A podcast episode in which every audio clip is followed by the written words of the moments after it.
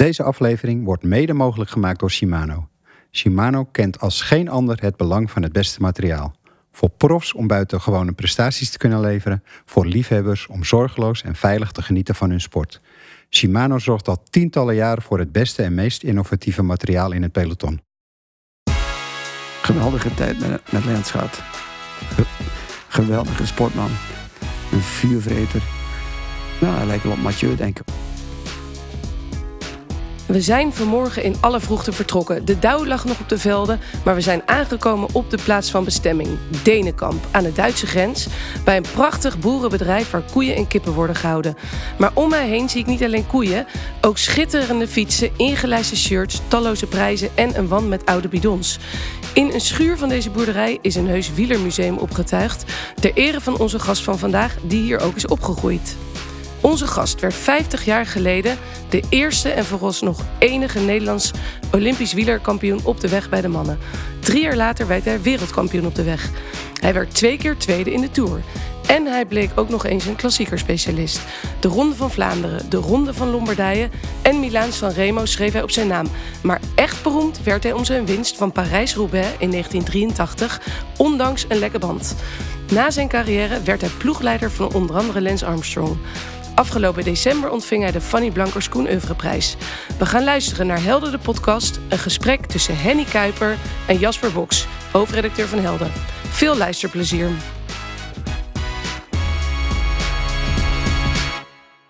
Henny, goedemorgen. Je bent 73, fiets je nog veel? Ja, veel.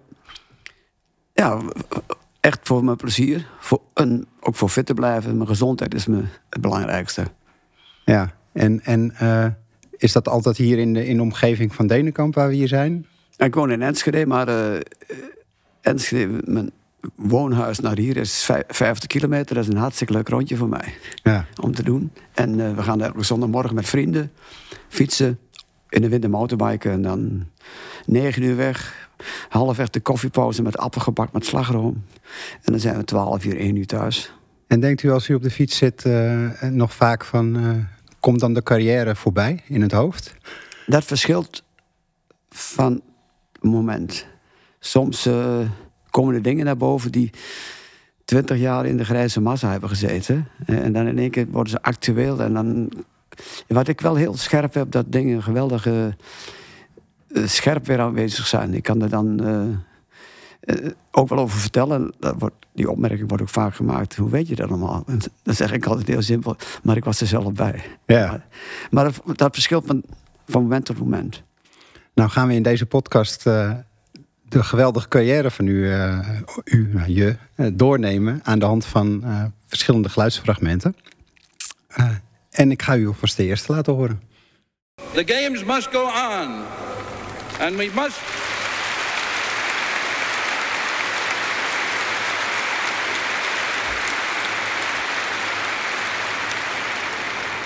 And we must continue our efforts to keep them clean, pure, and honest. Het is de uitspraak van IOC-voorzitter Avery Brundage na de mislukte bevrijdingsactie tijdens de Olympische Spelen in 1972 in München. Elf leden van de Israëlische ploeg kwamen om het leven nadat zij in het Olympisch dorp werden gegijzeld door de Palestijnse terreurorganisatie Zwarte September. Annie, jij zat in het Olympisch dorp op het moment dat dit gebeurde. eh, die gijzelingsactie. Wat weet je daar nog van? Hoe kreeg je dit mee? Ja, als ik nu die tekst hoor van Brundage... dat gaat wel door heel mijn lichaam, moet ik zeggen. Ja? En ik zie me nog zo staan eh, met de jongens en waarmee we waren. Maar wij wilden graag dat het doorging, dat we konden fietsen. Je had er naartoe geleefd. Mhm. Maar je bent jong. Je staat zo voor in het leven nog. En, eh, en dan heb je dat gehoord. Er waren schoten. Ik heb niks gehoord. Ik was een goede slaper. En dan op een gegeven moment liepen we langs een stuk. Er stonden dus eh, de gijzelaars met eh, geweer onder de arm. Dus eh ge, ge, ge- maar eh, afgeschermd in hun gezicht. Jongens doorlopen naar de eetzaal.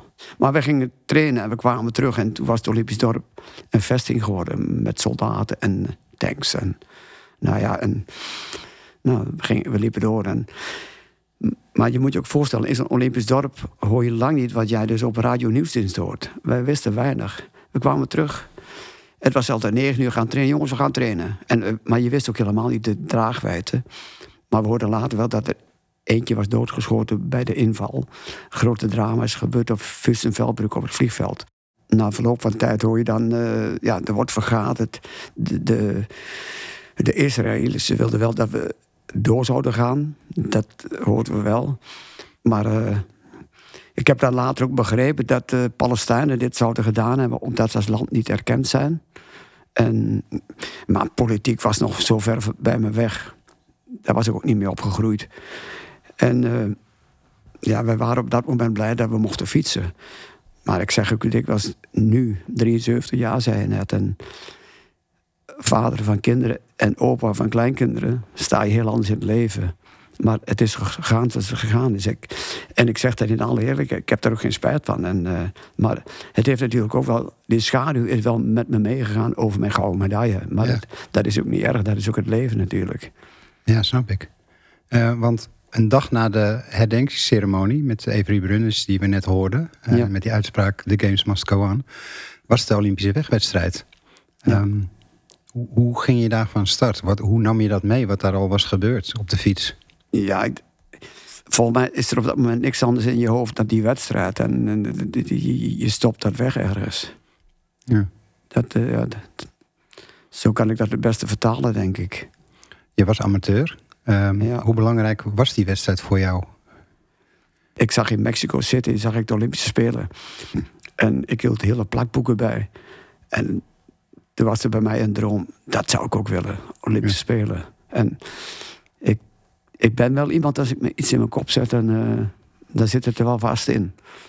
Maar ik was lokaal nog, ik was nog lokale renner, dus ik moest eerst nationaal doorbreken. Ik moest in selecties komen. En dat, twee jaar later lukte dat. Mocht ik naar de Ronde België, Ronde Joegoslavië, Bulgarije, overal etappekoersen gereden. En iedere keer in selecties, selecties. En tot slot uh, haalde ik München. En dat was voor mij al uh, een zege op zich.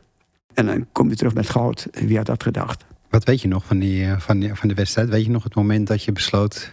nu moet ik weg, nu, nu spring ik weg? Want je kwam solo ja. over de streep. Ja, acht ronden, 183 kilometer. In het begin een valpartij. Zat ik, moest ik uitwerken, een sloot in. En uh, toen ik terug bij peloton kwam, dat was denk ik de eerste ronde. Weer een grote valpartij. Na drie ronden, denk ik, uh, was ik terug in de koers, in dat peloton. Ik denk, nu ga ik naar voren, opschuiven, langs de peloton gereden. De, een kop geforceerd van een man of 16. Kees Priem zat er ook bij, twee Nederlanders, fantastisch. Freddy Maarten zat er bij, Francesco Moser, dat ik wel. Maar iedereen om terug te trappen, zoals dat in wielerterm heet. Dus uh, voorzichtig, hè? dus niet vol geven. En toen kwam de peloton, was, peloton was er terugkomen. Mm -hmm. De voorlaatste ronde ben ik gedemereerd. Alle registers open. En dat kon ik wel. En ik had er ook zo naartoe geleefd. En dat was ook echt mijn ding, ook mijn verdere carrière. Ja, en uh, 30 seconden, 25, 30. En, en er kwam een scootertje naast me rijden, die gaf de tijden door. Dat was nog heel provisorisch, ooit, ze bestonden niet. Ik zat helemaal in de flow en het laatste stukje was een stuk bergop zo. En je kwam over een rivier. En, dan moest je schakelen naar binnen. En uh, ja, het tempo lag dan niet hoog. Kijk ik achterom en kwamen ze met donder geweld van die, in die afdaling. Dus ik had die brug al gehad en omhoog. En ik, oeh, was eventjes. Dat ik, nou, en ik zei, nou, maar ik ook gelijk weer uh, rijden. En uh, ja, alleen aankomen, fantastisch. Nou, hier in het, in het uh, museum staat de fiets. Een mooie blauwe fiets. Met, met ketting staat erop, het merk. Uh, wat, wat, wat, op wat voor fiets reed je in die tijd? Dat was een, een stalen fiets. Ik schat een 9, 9,5 kilo. En dat is wel leuk. Dat was, uh, dat was een RI, een Rijwel Industrie Holland uit Amsterdam. Prachtig. Die fietsen zijn er nu nog. En uh, ja, daar moest ik het mee doen. Hoeveel versnellingen had je? Om maar eens een voorbeeld te ik nemen. Ik denk uh, vijf of zes, vijf, denk ik. Ja. Vijf tandjes achter staat dan. En dan kun je nog, uh, voor heb je twee mogen. Dus ja, tien versnellingen. Ja. Waar ze nu uh, twee keer elf, 22 hebben of zo. Hè? Ja. ja. Um, maar één ding is nog niet veranderd. Dat is, je moet wel kunnen trappen. Ja. ja. Was het eerste wat door je hoofd ging toen je over de, over de streep kwam daar in München? Het is wel leuk dat we hier, de locatie waar we zitten. Mijn ouders, dat mijn geboortegrond. Mijn ouders hebben me altijd wel geleerd. Je hoeft je niks te verbeelden. Blijf maar met beide benen op de grond. En ik moet zeggen, ik heb dat met alle overwinningen. Pas op latere leeftijd kon ik daarvan genieten. En ook mijn handen opsteken. Maar in, in München ik steek één hand op. En het WK in Ivoire steek ik één hand op. Uh, de blijdschap was bij mij van binnen. Ik heb al eens gezegd, uh, van buiten rijk is een rustig kabbel een beekje, maar van binnen ben ik, ben ik een, eigenlijk een, een woeste, woeste rivier of een orkaan of zo. Ik kan geweldig, en ik kom daarover te meten, geweldig voldoening, maar opgesloten in mezelf eigenlijk. En best wel jammer eigenlijk, vond ik van één kant, maar je bent zoals je bent. Met de wetenschappen van nu had je het anders gedaan? Nee, dat weet ik niet. Nee, dat moet je ook niet willen. Je moet jezelf niet willen veranderen. Wat wel meespeelde was natuurlijk uiteraard de, de, aanslag. En het was ook allemaal heel, heel uh, op, uh, ja... Bedompt? Bedompte ja, sfeer? zeker. Ja, dat is het juiste woord zelfs. En, en al, iedereen was ja, wel rustig. En, en bedompt is het betere woord. Ja, judoka Willem Ruska won tijdens de Olympische Spelen twee keer goud. Uh, eentje voor de aanslag, eentje na de aanslag. U won uh, uh, brons met de ploegachtervolging voor de aanslag en goud daarna. Ja. Um, het Olympisch Comité die liet eigenlijk jullie de keuze of jullie wilden blijven. Er werd niet gezegd, we blijven met z'n allen. Er was een soort van, nou, ieder, ieder mag het maar uit, uitzoeken. Um, werd je met de nek aangekeken naar terugkomst in Nederland? Ik wou nog iets zeggen over dat, die beslissing nemen. Mm -hmm. Dat was eigenlijk wel een beetje ja, loszand, vond ik. Er was niet echt gericht uh, dat er gezegd wordt, zo gaat het. Er werd wel op een gegeven moment gezegd, dat, dat kwam ook over heel veel schrijven. Dat kwam dan bij de, de coach terecht. Jullie moeten zelf beslissen. Je mag naar huis. Dus met andere woorden, ja, als je toch weg wilt, dan moet je maar gaan. Maar we hebben liever dat je blijft, zo was het bijna. Ja. En uh, ja, dat wilden ze zelf ook wel heel graag. Maar er zijn wel uh, sommige sporters naar huis gegaan.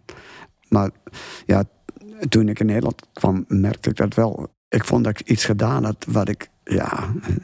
Ik had de Olympus bedwongen, weet je. Ja. En, en, dan kom je thuis. En, uh, maar dat accepteerde ik ook wel. Maar dat is natuurlijk wel heel jammer. Wat waren de reacties? Ja, het is natuurlijk altijd de reactie van de, uh, de, de, mensen om je heen, je, je, familie, de wielerclub, ja, die waren dolblij. Want ik was een van hun. En ik had het toch maar even gedaan. De andere kant was wel, ja, met een nek aankijken is wat anders. Maar we, soms kreeg ik wel het gevoel dat ze bijna met een boog om je heen liepen. Ja. Zo van, uh, wat, wat, wat, moeten we daarmee? Maar er waren ook natuurlijk wel hele enthousiaste reacties, ja. dat wel. Maar ja, het, het was natuurlijk ook niet, niks wat er gebeurd was. Nee. Wim Ruska uh, liet later weten na, na zijn judo-carrière dat hij zich uh, toch wel een vergeten kampioen voelde. Herken je dat? Nee, ik heb het voordeel gehad dat ik prof heb kunnen worden en dat ik me daar heb kunnen uitleven. Bij Ruska was het natuurlijk zo twee keer goud. Ja, wat kun je nog meer doen? Maar toen begon het bij mij pas. Ja. Want ik werd prof. En dan moet je helemaal onderaan de ladder beginnen. Want ze zie je daar echt niet staan. Je kunt maar één ding kun je, kun je laten zien. Dat is je echt laten zien. Dus hard rijden en, en de wijsheid van voren. Um, het is 50 jaar geleden, dit jaar, dat je Olympisch kampioen werd. Je bent nog altijd de enige Nederlandse Olympisch kampioen op de weg bij de mannen. Wat doet dat jou? Ik was wel iemand, dat geeft me eerlijst ook wel aan. Ik heb niet zoveel wedstrijden gewonnen, maar als ze er waren, dan waren het wel voltreffers. En dat vond ik mooi. Dat vond ik ook de uitdaging. Ik kon me helemaal uitleven. En daar kon ik uh, maanden bezig zijn om uh, specifiek iets te bereiken. Ja. En, en, ik vind het ook wel mooi om dat hier nog een keer naar voren te brengen. Ook voor in de algemeenheid naar mensen toe. Als je echt iets wilt, kun je echt heel veel. Dat heeft wel gebleken, want we gaan naar het volgende audiofragment. Het kan, het kan. Henny Kuiper kan wereldkampioen worden. Nog steeds is niemand daar. Wij kunnen nu even kijken of we hem al binnen oogbereik hebben. De positie hier nopt om, om voortdurend op de monitor te kijken. Hij geeft bijna toe. Hij kijkt om. Henny Kuiper, daar komen de achtervolgers. Henny Kuiper is vlak bij de streep nu. Hij kan het halen. Nog geen achtervolgers in beeld. Ja, hij lacht, hij zwaait nog 100 meter. 100 meter en Henny Kuiper gaat zwaaiend, jubelend over de streep. Nog even, Henny Kuiper wordt wereldkampioen. Dan ben je nog maar net prof. 1975, een Ivoire. En dan heb je al een Olympische titel. En een wereldtitel uh, in de pocket. Dan kun je wel eens een beetje stoppen, zou je bijna zeggen. Ja, ik, ik heb dat nooit zo beseft eigenlijk. En dat, dat is eigenlijk een beetje jammer. Ik ging demareren om te openen voor Joop in eerste instantie. Ja. Een twee ronden voor het einde. Joop Zoetemelk. Ja, en, en, en die zaten met Gerry Kneteman, die zaten erachter. Maar die hebben ook geweldig werk geleverd vooraf te stoppen. Maar, en Eddie Merckx was de grote favoriet. Was dit mooier dan Olympisch kampioen worden?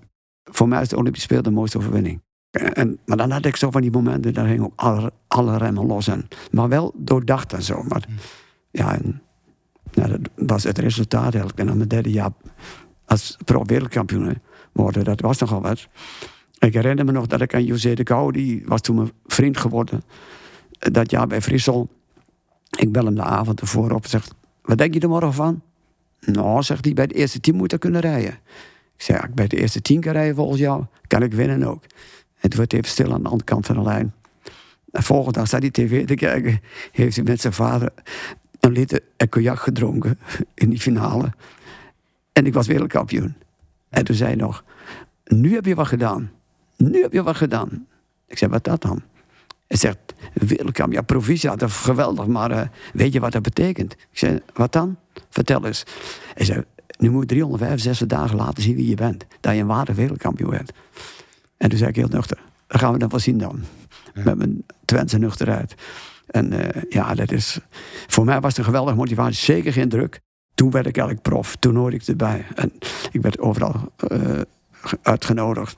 En ik zat in de koffer van bij Parijs ook bij. En, en, ik won de ronde van Zwitserland. Ik won een rit, uh, nee, geen rit in de Tour. Ja, nee, ja, toch. In de regenboogtrein won ik een rit in de Tour ook. Dus ja, dat ging fantastisch. Ja. Dat, dat gaf mij vleugels. Nou staat de fiets waarop, waarop je wereldkampioen bent geworden hier ook in het, in het Wielermuseum. Ja. Um, wat kun je zeggen over die fiets? Lijkt me heel, het framepje dat is bijna, bijna breekbaar, lijkt het. Ja, toen kwam... Dus, dat waren nog wel stalen fietsen. Maar ze wel, waren wel aan het experimenteren voor lichter. En je ziet dus ook in die fiets van 72, die staat ook hier. Mm -hmm. Dan uh, de, de, het schakelen ging nog. Uh, de commandeur zat aan de buis met beugeltjes. Niet, maar in 75 was hij er aan vastgesoldeerd. Dus ook om het lichter te maken en makkelijker. En uh, hij was ook wat korter al dan, dan de Rie van 72. Ja, er werd van alles aan gedaan. Elke fiets werd nog bij de hand gemaakt toen.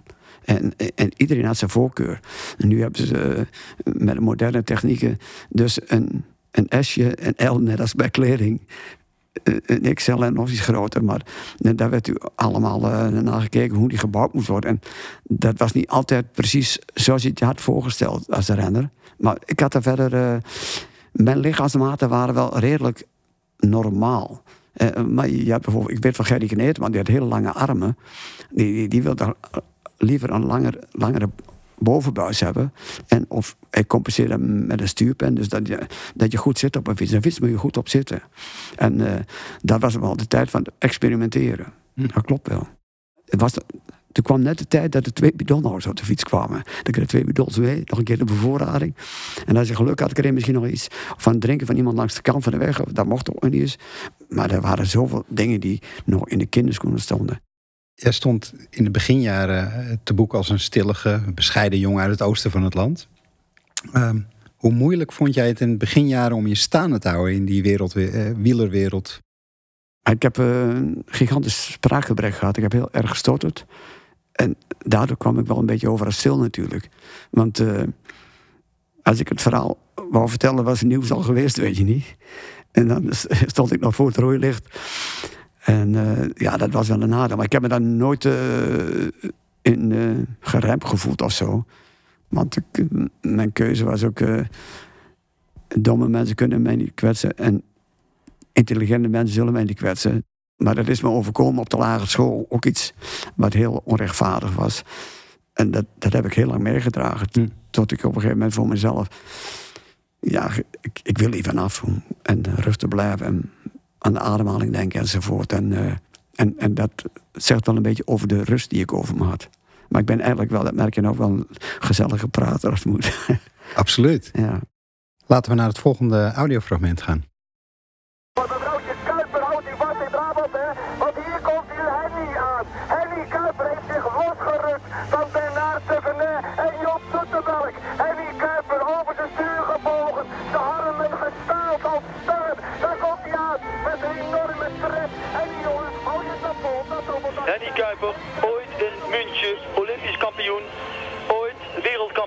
Weg in Ivoire. En dan hier een serieuze gooi doende naar de Tour-overwinning. Henny Kuiper won in de Tour de France in 1977 de etappe naar Alpe d'Huez. Hij reed weg bij Joop Zoetemelk en gele truidrager Bernard Thévenet. Kuiper leek op weg naar het geel, maar miste die op een haar. Je hoorde het radioverslag van Theo komen voor Radio Tour de France. Er werd een, eh, een, een hele mooie aflevering van Andere Tijden Sport aan deze tour gewijd.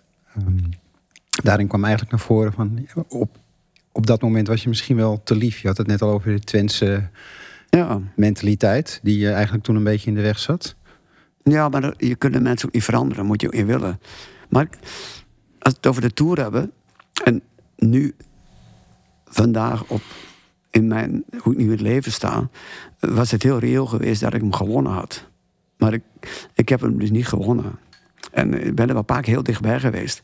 En, eh, en, en die, dat jaar denk ik wel de, het allerlichtste erbij geweest. Maar ja, je zei net al, in 72 Olympisch kampioen, 75 wereld. En dan, de- dat was eigenlijk, als ik dat nu bekijk, was ongekend geweest. Ja, Maar ja, mijn ouders hebben me wel geleerd, je moet ook tevreden zijn in het leven. En ja, wat, op mijn positie, wat zou ik me nog meer willen wensen? Ik heb een fantastische carrière gehad, ik heb alles mogen meemaken. Ja, natuurlijk had ik, ik heb zelfs geen dag de gele trui gehad. nee. En, eh, maar Baal je daarvan? Dat hij hier niet in het, eh, in het eh, museum hangt? Nou, daar baal ik niet van. Maar het is real. En, maar dat is, dat is ook mooi van het leven. Je moet ook, ja, in de sport moet je dat willen. Je moet ervoor, dat deed ik ook wel. Maar het is gewoon niet gelukt. Maar uh, Raymond Poulidor heeft ook 12 Tour de France gereden. Ik ook. En die heeft wel acht keer op het podium gestaan. Iets vaker dan ik hoor. Maar die heeft ook nooit één dag de gele trui gehad. En dat was ook een goed zak. Misschien heeft het daar wel mee te maken. Ik had alle facetten moeten kloppen. Maar misschien was ik wel te weinig hardheid en ja, Nou, hard- de hardheid zat van binnen, vertelde je net. Ja, Die was ja, wat minder naar buiten. Ja. Ik, nou, ik zeg wel eens, ik, was keihard voor mezelf, maar misschien te lief voor een ander. Maar verloor je hem daar op Alpe d'Huez, de Tour? Ja, dat denk ik wel. Als ik dat geel pak, dan eh, is het wel anders, denk ik. Ja. Maar ja, Was je ook ziek van die tweede plek na afloop? Na de koers kwam de journalist ook bij me. Ja, die waren denk ik nog meer teleurgesteld dan ik. Jongens, ik zei, ik heb gedaan wat ik kon. Ik heb alles gegeven. Wat, wat moet ik meer gaan doen? En, eh, ja, en, maar ik denk wel dat ik in die fase van mijn carrière ook niet besefte wat een toerzegen betekende. Ik, ik stond daar zo nuchter in. Oud-premier Dries van Acht verklaarde jou in 2003 bij de presentatie van jouw biografie alsnog als winnaar van de Tour van 1977. Voel je jezelf ook een beetje de winnaar van Tour van 77? Nee, dat. Ja, daar kan ik niks mee. Dan bij papieren winnaar of zo, daar heb ik niks aan. Maar als je dan een gele trui krijgt in, in, in, in- in een pakketje tegen jaar na datum, dan dat werkt niet. Nee. Bij mij niet. We gaan naar het volgende audiofragment. Dit is Henny Kuiper. Eervol tweede. Hij zal het jammer vinden. Niemand bekommert zich nu om hem. Toch wel een kleine tragiek eh, schuilt daarachter. Iedereen is nu gericht op de winnaar. En alleen de winnaar stelt in de sport kennelijk. En Henny Kuiper, die toch tweede is geworden, die naar hem kijkt bijna niemand om. Wel nu, daar gaat Joop Zoetemelk, omstuurd door gendarmes. Joop Zoetemelk won de Tour de France van 1980. Hij werd na Jan Jansen de tweede Nederlandse winnaar van de Ronde van Frankrijk. Henny Kuiper werd in die Tour tweede op 6 minuten en 55 seconden. Ja, het was bijna een beetje alsof je niet bestond in die, als ik zo naar dat, dat fragment van Sean Nelissen luister.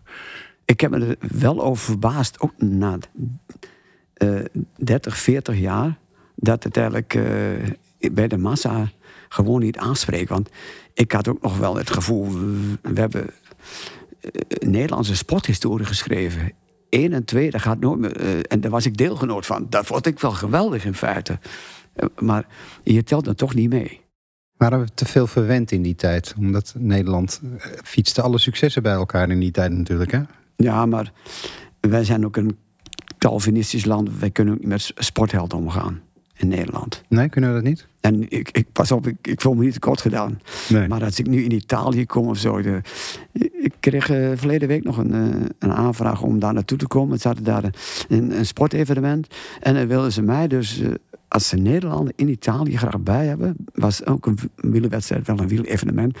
Om mij daar dus. Ik was dus middelpunt van het hele verhaal. En dan kreeg ik een onderscheiding als eerbetoon aan mijn wielercarrière. Het is zoveel jaar na datum. En, en dat, dat gebeurt ook vaker. Ja. En, en, en Fransen zijn ook wel, maar wij, wij kunnen echt niet eh, een sportprestatie op, waarde schatten. Nee. Dat vind ik niet. Joop Zoetemelk werd in 1980 binnengehaald als de grote held. Kreeg alle aandacht, alle egaars kreeg hij. Ja, Ehm, hoe was dat met jou? ja, tweede plek? Ja ik weet nog wel dat we in de acht van Kaan werden wij gehuldigd. Johan van der Veld had de witte trui. Joop was eerst. En ik, ik werd dus wel, eh, wel gehuldigd ook. Hm. En wel in betrokken, dat kan ik me nog zo herinneren. En ook wel meer plaatsen. Nee, maar ik ben niks, niks tekort gekomen. Maar we hebben, daar hebben we het ook niet over iets tekort gekomen. Maar het gaat om het eren van het op eh, vond je, waarde schatten van topprestaties. maar vond je het wel moeilijk dat uitgerekend dan Joop voor jou eindigt en dat hij dan die behandeling krijgt? Nee, nee dat heb ik, heb ik nooit gehad. Ik denk wel dat het heel veel te maken heeft met eh, wie je bent en wat voor nest je komt. Dat, eh, wij moesten echt een jaloers zijn als kind. Ik heb, dat heb ik de sport ook niet gehad. Heb je het ergens laten liggen in die Tour van 1980? Het, het verschil, vertelde ik net al, was 6 minuten en 55 seconden. De regen is drie weken met ons meegetrokken. We zaten in Frankfurt, waren een rit in eh, Frankfurt-Frankfurt, nog een uh, ploegentijdrit. Toen gingen we naar Metz. Acht uur in de stroom met de regen, wind op kop. Van Metz naar Luik, acht uur in de regen, wind op kop. Tijdrit in Francorchamps, acht uur naar Roubaix, in de stroom met de regen. En toen was het al post, zei jongens, uh, jullie moeten gaan staken. Hadden de boel op te naaien. En, uh, en ik zie dat zo gebeuren. En ja, ja, ja raas daar, you know. Ja, is het uh, onveilig rijven. En you die kwam zo met van die, zo een keer zo groot. Verratation, zei hij. Een woord is een woord, hè. Mooi een mooi. En we komen de kazijn op. En we gingen de, de rallies. En ik reed bij Peugeot. Ja, Hino, die werd met ook die gewoon te rammen. En, en, en toen heb het hele spul op twee minuten gereden. En, en, er was een begrafenisstemming in, in, in het rallykamp. Maar, uh, maar Joop, dat is dan ook, die blijft rustig gewoon. De, de, waren. Maar hij, hij bleef gewoon zijn ding doen. Nou, in de eerste week was ik gewoon supergoed en beter dan hem. Maar het gaat over drie weken. En toen gaf Hino gaf op. Ik zeg altijd tegen Joop, ik heb hier nog wel een stukje helpen winnen. Want ik heb zo dat hij zijn knie kapot gegeven naar Roubaix. Nou, de, laatste week was Joop gewoon veel beter dan ik. Ja. We hadden het net ook al heel even over Roubaix. Die een belangrijke uh, rol speelde in de Tour van 1980. We gaan nu naar een volgend uh, audiofragment. Wordt ook spannend. En kijk eens, daar is uh, Annie Kuiper. Rijdt lek. Ja, hij heeft, uh, hij heeft daar een stukje weg willen ontwijken. Is in een kuil terechtgekomen. Het achterwiel is helemaal, kijk eens, band eraf. En die Kuiper smeekt om een ander wiel. Daar is Fred de Bruyne. In hoeveel tijd kan hij nu herstellen? Had 35 seconden voorsprong. Waar zijn de achtervolgers? Oh, elke seconde weegt nu. Daar moet bolslag van Annie Kuiper. Die moet nu naar het uh, zenitpunt gaan. Krijgt een andere fiets. Hij wordt nu afgeduwd door de mechanicien. Motorrijder stond daar lelijk in de weg. En die Kuiper blijft nog voor.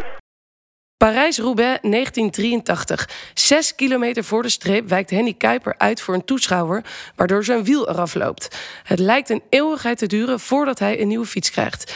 Desondanks wint hij Parijs-Roubaix met 1 minuut en 15 seconden voorsprong op de nummer 2. Het is wel apart, Henny, dat als we dit fragment horen, dan heel vaak de associatie Henny Kuiper is heel vaak naar Parijs-Roubaix, naar, deze, naar dit fragment. sport is emotie, hè?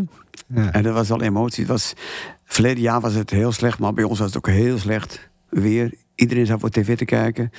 Ja, en de koers was gereden. Moest alleen nog naar de meet komen. Want er waren de laatste 100 meter kasseien van de 65. 100 meter nog.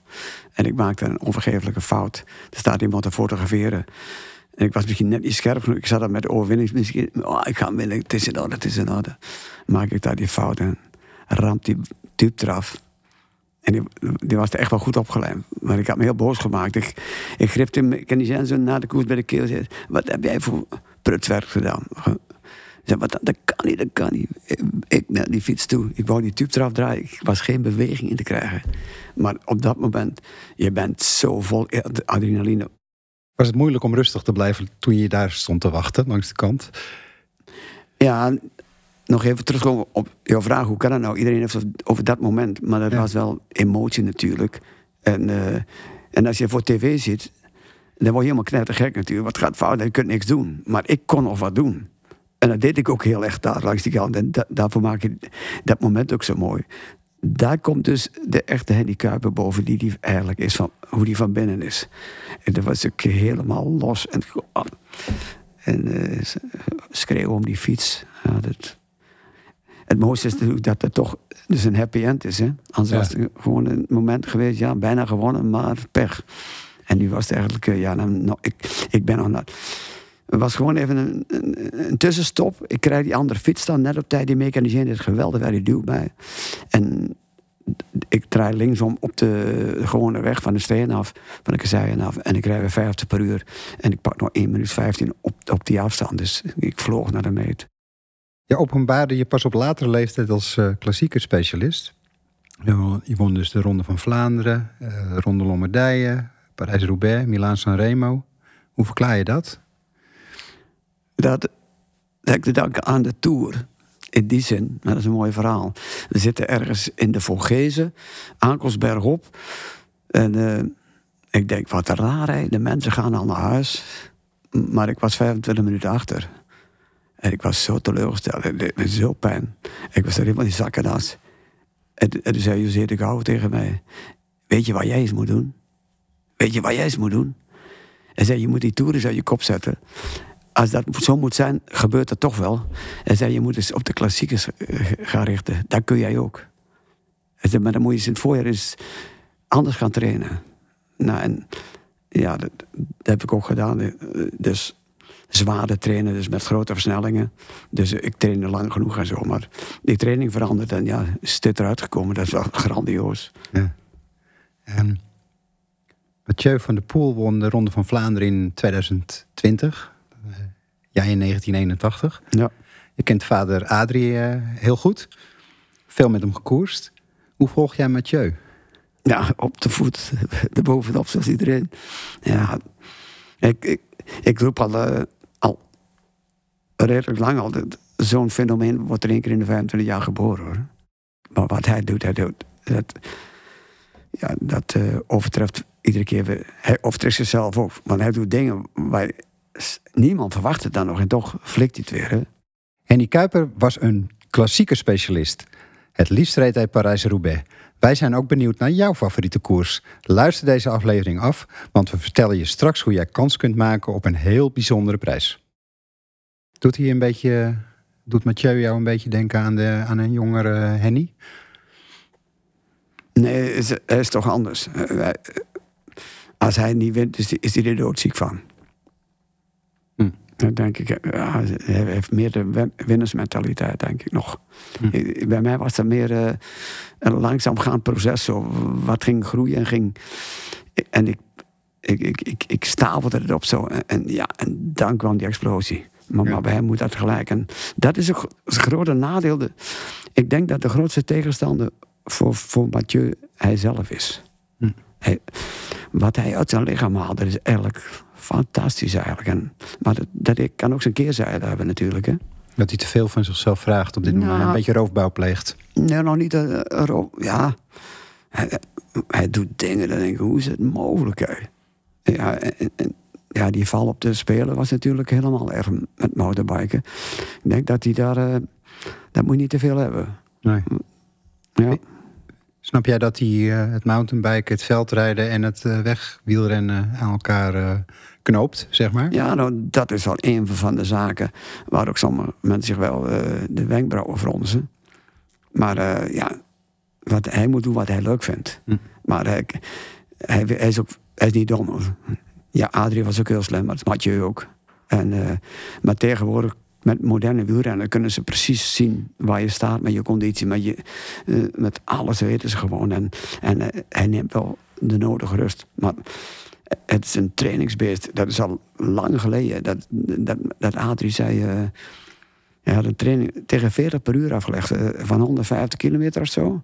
Van, mij bijna onvoorstelbaar in zijn eentje. En dan staat hij met de brommer klaar. Dan ging hij nog 100 kilometer met de brommer rijden.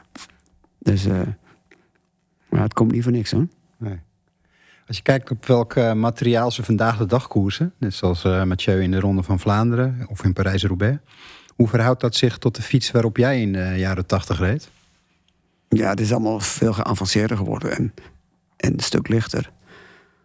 Maar ja, de- voor vlakke koersen maakt dat nog niet zoveel uit. De, het gewicht, maar ook de, de stijfheid en de, de, de kwaliteit. Ja, ik, herinner me nog dat eh, Shimano het wielrennen kwam. En toen, dat was in 73, toen waren de zes of acht ingenieurs, ik weet niet, eh, waren daar in de omloop van het volk in al die koers in het begin van het jaar.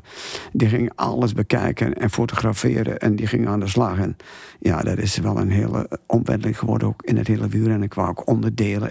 Denk je wel eens? Hadden wij dat spul maar eh, waar ze nu op rijden? Zeker, zeker hadden we dat graag weggereden. Maar dan hadden ze dus mij als, als enigste moeten geven. Dan had je wel voordeel van. Jouw wielercarrière eindigde in 1988. Je bleef nog betrokken bij het wielrennen. Eh, was nog een tijdje ploegleider. Eerst van eh, Stuttgart hè, en daarna bij Motorola. Maar Motorola werkte je met Lance Armstrong samen. Hoe was dat? Geweldige tijd met, met Lens gehad. Ja. Ge- geweldige sportman. Een vuurvreter. Ja, hij lijkt wel op Mathieu, denk ik, op Mathieu of hem. Ja. Dat is ook geweldig van in de ploeg te hebben. Een, een motivator, ongelooflijk. Ja. Today we kill them all. Let's go. Dat ging niet te keer, jongen. En je kon hem wel... Dus Amerikanen waren gek van meetings. Elke dag een meeting voor de koers. Nu is dat bijna overal, maar dat was toen sporadisch. Landkaarten bij praten en dan stond hij daar en hoor je hem al. Dus dat was in een hotel. En dan hoorde je hem al van ver aankomen. Alleen al die voetstappen. hè. De, power. jongen. Ik zei altijd, als je lens erbij had, had je 30% meer power in de ploeg. En Ja. dat moest gewoon gebeuren. En wat hij ook geweldig kon, een, verlies achter zich laten. Nooit, eh, niet meer veel over nadenken. Morgen weer een andere dag. Ja. Heb, je, eh, heb je nog wel eens contact met, eh met? Nee, dat- ja, hij is in een heel andere wereld gaan leven. Ja. Ja. hij werd toen ziek. En toen stopten wij ook. hè. Motorola, Motorola ja. stopte. Wij, ik was daar ploegleider. En uh, maar ik herinner me nog WK in Lugano dat Jim Okowitz, de manager, me belde. Hij zei, waar zit je? Ik zei, in de auto. Ja, zet de auto maar aan de kant. Lance heeft kanker. Ja, en dat was 96, 97 behandeld. Het was echt uh, uitzaaiing en zo. Gere, gere, valideerd in 97, 98 was hij weer op toneel. De WK in Valkenburg werd hij vierde. Ronde van Spanje en zo. Nou, en toen uh, is hij... Toen heb ik hem daar nog gezien. Hij stopte, hij keek maar. We hebben een minuut stilgestaan. We hebben geen woord gezegd. Want ik had hem nog wat mails gestuurd toen hij ziek was. En ondersteunende dingen. Hij wilde me iets, net of hij iets wilde vertellen. En toen is hij uh, met Johan Bruineel verder gegaan. Ja, dat heeft zo moeten zijn misschien. Maar ja, toen, daar was ook een hele andere episode. De, toen kwam het hele gedonder ook in het peloton met de EPO. En, mm -hmm. ja, ik ben blij dat ik dat niet allemaal heb nee. hoeven meemaken. Maar ik, ben er acht jaar geweest, ploegleider. En ik heb wel voor mezelf, toen al had ik al besloten... of tenminste ook gevraagd, dat ik wil dat in mijn leven blijven doen. Nee, en mede doordat doping zich zijn nee, intrede maar, deed, de nee, EPO is, zich zijn intrede deed? Of? Nee, het is een algemeenheid. Ik heb lang gekoerst, dat deed ik heel graag. Tot, bijna tot mijn veertigste. Nou, dan ben ik acht jaar ploegleider geweest. En, maar toen wilde ik wel een keer een ander leven ook. Ja. Hoe kijk je naar de overwinningen die Lens... Vind je het, laat ik het anders zeggen. Vind je terecht dat hem zijn zeven toerzeges zijn ontnomen? Ik riep net al een keer in dit, deze uitzending van het leven is niet altijd eerlijk. Maar ik vind, als ze hem alle zegens ontnemen... eh, dan hebben ze nog wat meer werk aan de winkel. Hm. Ik heb een prachtige tijd met hem meegemaakt. Eh, En hoe hij was en hoe hij ervoor ging. Het waren ook eh, acht heel bewogen jaren als ploegleider. Want je maakte in, eh, ja, op 19 juli 1995 maakte je als ploegleider ook mee het tragisch ongeval van eh, Fabio Casartelli. Die overleed na een valpartij in de afdaling van de Col d'Aspet. Ja. Dat is de zwartste dag uit je leven. Ja, van de wielersport zeker. Ja. Dat, dat was nog wel een andere koek. Dan gaat alles naar de tweede rij als je zoiets meemaakt. Ja, dat is zo on- on- onwezenlijk eigenlijk. We hadden een rustdag gehad, net de dag voordien, nog samen gefietst. Ik ging, ging dan met die jongens mee nog eh, zo'n dagje rustig aan fietsen. Nog met hem zitten kletsen over zijn mogelijkheden. Hij had nog een paar- Want hij was nog rap aan de meet. En, eh, en iedereen wordt dan moe en hij was nog goed. Dus Bordeaux was er nog. En nog een vlakke in Champions nog drie kansen. En eh 24 uur later is hij overleden. Ja. Ja. Dus, eh, ja, zo eh, onwerkelijk eigenlijk. Hoe lang heb je dat met je meegedragen? Of draag je dat nog steeds met je mee? Ja, ik heb, eh, bij me op kantoor heb ik eh, een fotootje staan van het monument. En we hebben dat hier ook een klein, een klein symbolisch de, mon- monumentje daarvan. En ik heb altijd nog wel contacten in Italië. één of twee keer per jaar sturen we een kerstkaart. En eh, ja, Naar de ouders. en dat, wordt- dat wordt wel gewaardeerd, dat merk ik ook wel. Dus je stuurt nog elk jaar een, een kerstkaart naar de ouders van, van Fabio Ja, Castelli. de ouders en naar haar. Ja. Ja. De man die eh, naar werd vernoemd, Fabio Jacobsen, Ja, die kwam eh, in 2020 eh, zwaar ten val in de Ronde van Polen. Jij stuurde hem een bericht. Ja. Wat heb je, wat, wat heb je gezegd? Wat, eh, waarom, waarom besloot je dat te doen?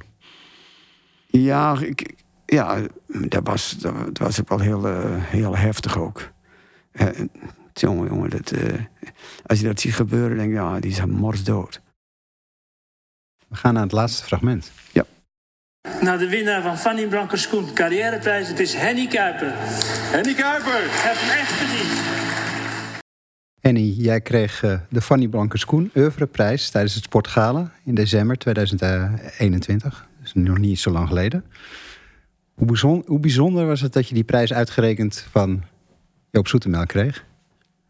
Ja, ik wist het al, maar ik kwam daar eh, naartoe. En toen, eh, ja, het was, moest allemaal met, in verband met corona een beetje provisorisch gaan. Dus Joop zat er ook al. En toen kwam nog een paar oud-sporters erbij zitten. En- En Guus Hiddink kwam nog een klets bij elkaar. En toen, later ging hij dus de prijs uitreiken. Dat was al eh, een geweldige, ja, mooie verrassing. Mo- Mooi bedacht. En dan de woorden van José de Gouw waren ook fantastisch toen. Wat hij zei. En toen moet ik wel zeggen, toen kwam er wel heel veel naar boven eigenlijk. Dus er werd de, de hele, waar we het nu net over hebben gehad, over die overwinningen. Ja, dat is wel een rijk wielerleven geweest. Hebben we niet een beetje te lang gewacht om je pas op je 72ste te eren op deze manier? Nou, eh, hoe zei Kneer altijd, altijd? Ja, wat je, wat je toekomt krijg je toch niet allemaal, zei hij altijd. De, de zat altijd vol met van die, eh, van die beeldspraken. Maar heb je wel eens ondergewaardeerd gevoeld, eh, Henny? Nee. Ja, het- kijk, je moet het ook voor jezelf doen, hè? Als je het allemaal voor een ander moet doen. Je moet, dus- ik heb er geweldige plezier aan beleefd. Dankjewel, Henny. Heel erg bedankt voor het leuke gesprek en eh, de gastvrijheid Dankjewel. hier in jouw eigen museum. Heel graag gedaan. Dankjewel. Zoals beloofd geven we ook nog een mooie prijs weg. Namelijk een plekje in de Neutral Service auto van Shimano tijdens een koers naar keuze. Wil jij kans maken? Ga dan nu naar helder.media slash Shimano en doe mee. Dit was Helder de podcast. Volg deze podcast op Spotify of Apple Podcast voor nog meer inspirerende sportverhalen. Laat ook een review achter en laat ons weten wat je van deze aflevering vond.